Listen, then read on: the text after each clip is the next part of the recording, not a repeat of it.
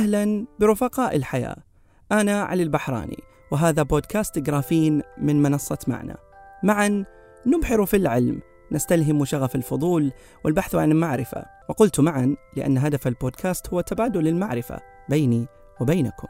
لنعقد اتفاق أنا ألتزم بالبحث والحديث عن مواضيع علمية وموثوقة ومثيرة للاهتمام. وفي الجانب الآخر أريدكم أن تتفاعلوا بآرائكم وتفاعلكم وحتى تبادل المعلومات والمواضيع التي تهمكم. بالإمكان التواصل من خلال منصة معنا في وسائل التواصل الاجتماعي أو على الهاشتاج بودكاست غرافين. غرافين تبدأ بالغين. اتفقنا؟ يلا نبدأ. من منا لا يعرف العالم الشهير ألبرت أينشتاين؟ بشعره المنكوش وشاربه الكثيف أو حتى سمع باسمه. يعتبر أيقونة للعبقرية والنسبية. بالرغم أن سنواته الأولى كانت عبارة عن مناوشات فكرية ونظرية بينه وبين عدد من العلماء إلا أن هناك سنة معينة قلبت الحال رأسا على عقب. عام 1915 تحت دوي طبول الحرب العالمية الأولى قدم الشاب ألبرت ذو 36 عاما آنذاك ورقة بحثية من أربعة أجزاء غيرت مجرى التاريخ وأعادت صياغة نظرتنا للكون والقوانين الفيزيائية. حيث نشر بحثه عن النظرية النسبية العامة بمساعدة صديقه عالم الرياضيات الفذ مارسيل جروسمان التي تشير إلى أن الجاذبية عبارة عن انحناء في نسيج الزمكان الذي ينتج بسبب الكتلة. المجتمع العلمي بطبعه المفضي للشك لم يتقبل المفاهيم الجديدة والغريبة التي طرحها هذا الشاب حتى بعد انقضاء الحرب أقدم حينها عالم الفلك الفيزيائي آرثر إدينغتون على تجربة عملية أثناء كسوف كلي للشمس بالإمكان مشاهدته من على جزيرة برينسيبي الواقعة شرق القارة الأفريقية. تجربة إدينغتون أثبتت أن الأجسام ذات الكتلة العالية تؤثر على ضوء النجوم المحيطة حيث تحني هذا الضوء فتبدو النجوم في أماكن غير أماكنها الحقيقية. هذا الانحناء تم حسابه بدقة باستخدام معادلات ألبرت أينشتاين. بعد هذه التجربة لمع نجمه وأصبح من أشهر علماء القرن العشرين. وحتى عهدنا القريب وبعد مرور أكثر من مئة عام على ورقة النسبية ما زال العلماء يثبتون صحة معادلاته ونظرياته.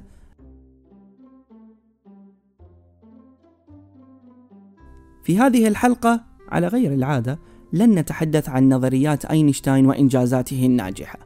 سنتطرق قليلا إلى المواقف التي أخطأ فيها بالرأي أو التوجه العلمي. سننظر إلى أينشتاين الإنسان الذي لديه ثقته ولديه شكوكه يصيب أحيانا ويخطئ أخرى وبالرغم من عبقريته الفذة إلا أنه وبطبيعة الحال بقدراته المحدودة يحتاج أحيانا مساعدة من علماء آخرين. سنتطرق إلى أهم أربعة مواطن لم يوفق أينشتاين فيها.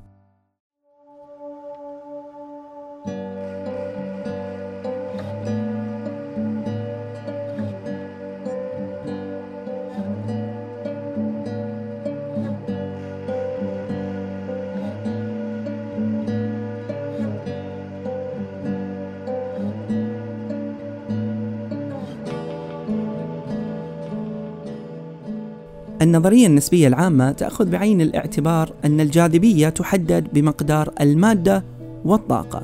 المادة هنا بجميع أشكالها والطاقة بجميع أشكالها.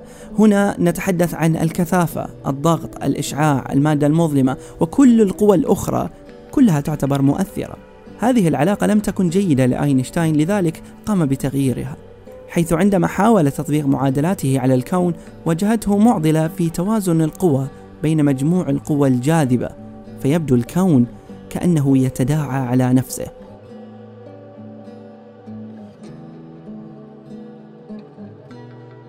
إذ كان الرأي السائد آنذاك أن الكون ثابت لا يتغير أو يتحرك.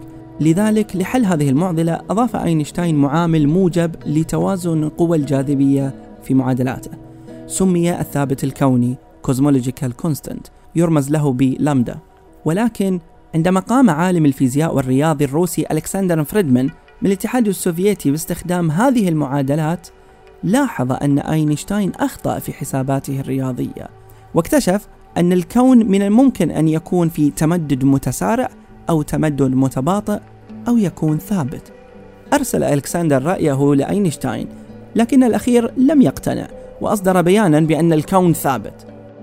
إلى أن أصدر ألكسندر بحثه الذي يحتوي على معادلات تشير بشكل صريح لعدم ثبات الكون.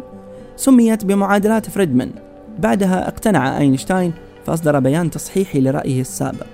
الجدير بالذكر أنه بعد عدة سنوات إدوين هابل صعد إلى مرصد جبل ويلسون في باسادينا. استخدم حينها التلسكوب الأقوى في العالم للتعمق في الكون أكثر من أي وقت مضى.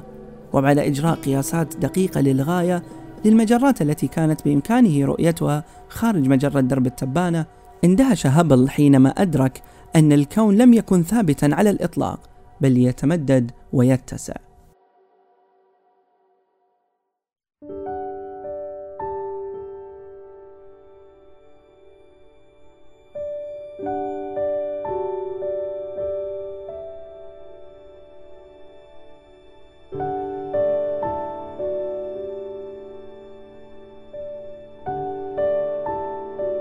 كلمة الكم quantum كلمة لاتينية تعني كمية أو مقدار.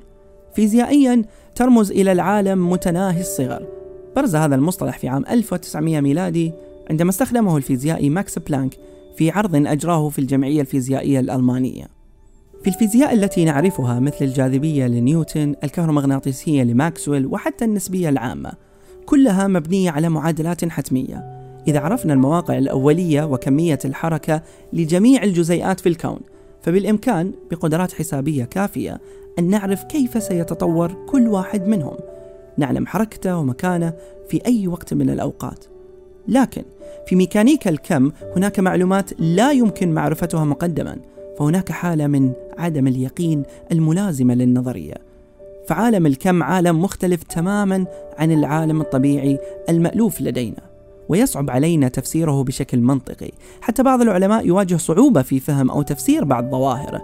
إحدى هذه الظواهر هي التشابك الكمي أو quantum entanglement والتي تعني أنه من الممكن تواجد جسيمات في حالتين متضادتين في آن واحد وأنه في حال أخذت جسمين في حالة كمومية فإنهما مرتبطان ببعضهم بحيث في حال كشفت عن جسيم واحد فإن الآخر يتأثر في نفس اللحظة.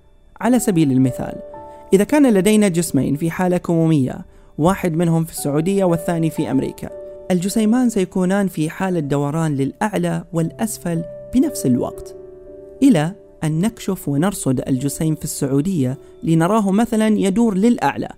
عندها وفي نفس اللحظة الجسيم الذي في أمريكا تلقائيا سيدور للأسفل وكأن هناك تواصل بين الجسيمين.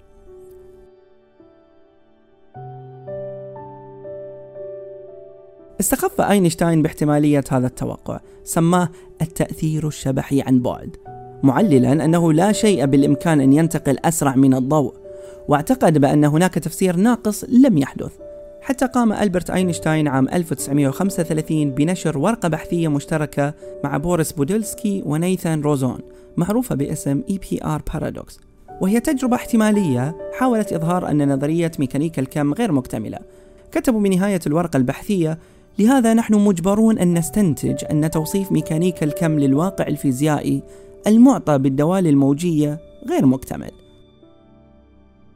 ذلك حتى نشر شرودنجر بعد فترة قصيرة ورقة تحدد وتناقش فكرة التشابك.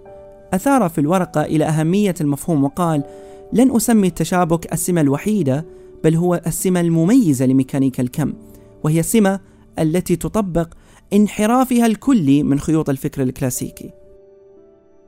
ولدت ورقة EPR Paradox اهتماما كبيرا بين علماء الفيزياء، وألهمت نقاشا كثيرا حول أسس نظرية ميكانيكا الكم، حتى عام 1964 عندما أثبت الفيزيائي جون بيل في سيرن أن أحد افتراضات أينشتاين الأساسية كان متعارضا رياضيا مع تنبؤات نظرية الكم، والتجربة العلمية أثبتت في الحقيقة أن الكون غريب حقا. كما تقترح نظرية الكم. الجسيمات الأولية لا تمتلك صفات فيزيائية محددة قبل قياسها مثل الموقع والسرعة بل إنها مجرد احتمالات متعددة لها وعملية القياس هي التي تحدد. الجدير بالذكر أنه أعلن العلماء في يوليو عام 2019 أنهم التقطوا للمرة الأولى صورة للتشابك الكمي.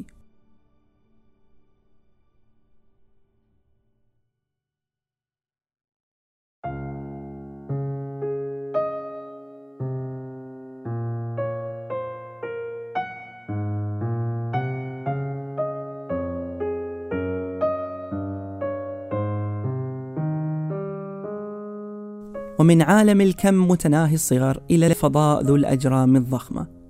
مرت فترة على أينشتاين قال باستحالة وجود ثقوب سوداء ولكم أن تتخيلوا ذلك.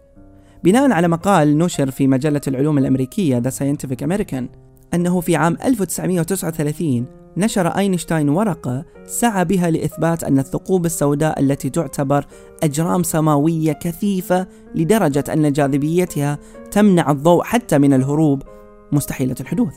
المفارقة العجيبة هنا أنه من أجل إثبات قضيته استخدم نظريته النسبية العامة وهي النظرية ذاتها المستخدمة الآن في القول بأن الثقوب السوداء ممكنة بل لا مفر من وجودها في الكون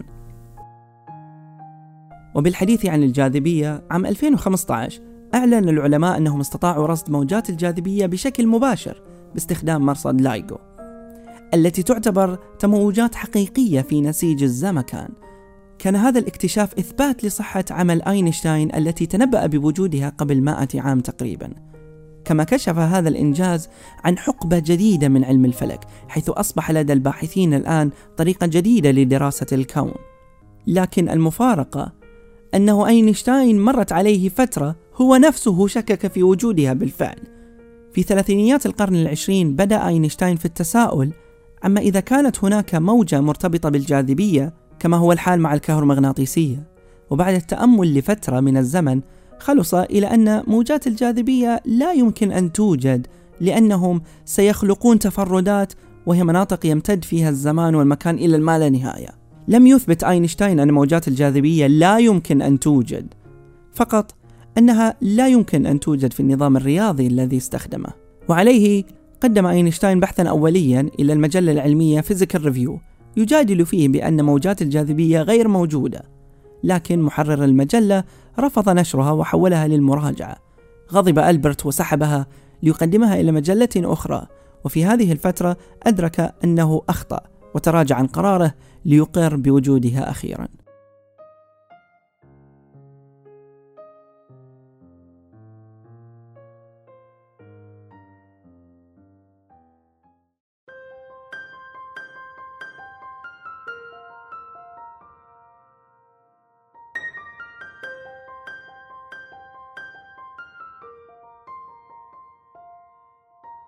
تخيلوا يكتشف حاجة ويثبتها رياضيا لكن تصيب الشكوك والتساؤلات بوجودها في العالم الحقيقي ليتم إثبات وجودها بعد مئة عام.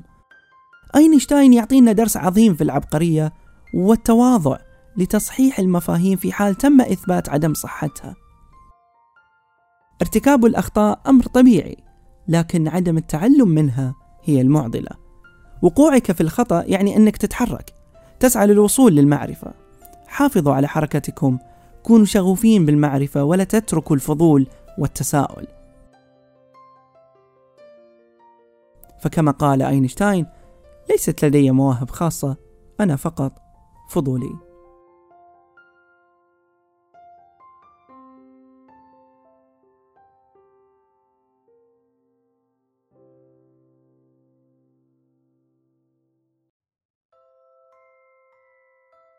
هذه كانت حلقتنا لليوم عن أخطاء أينشتاين الإنسان.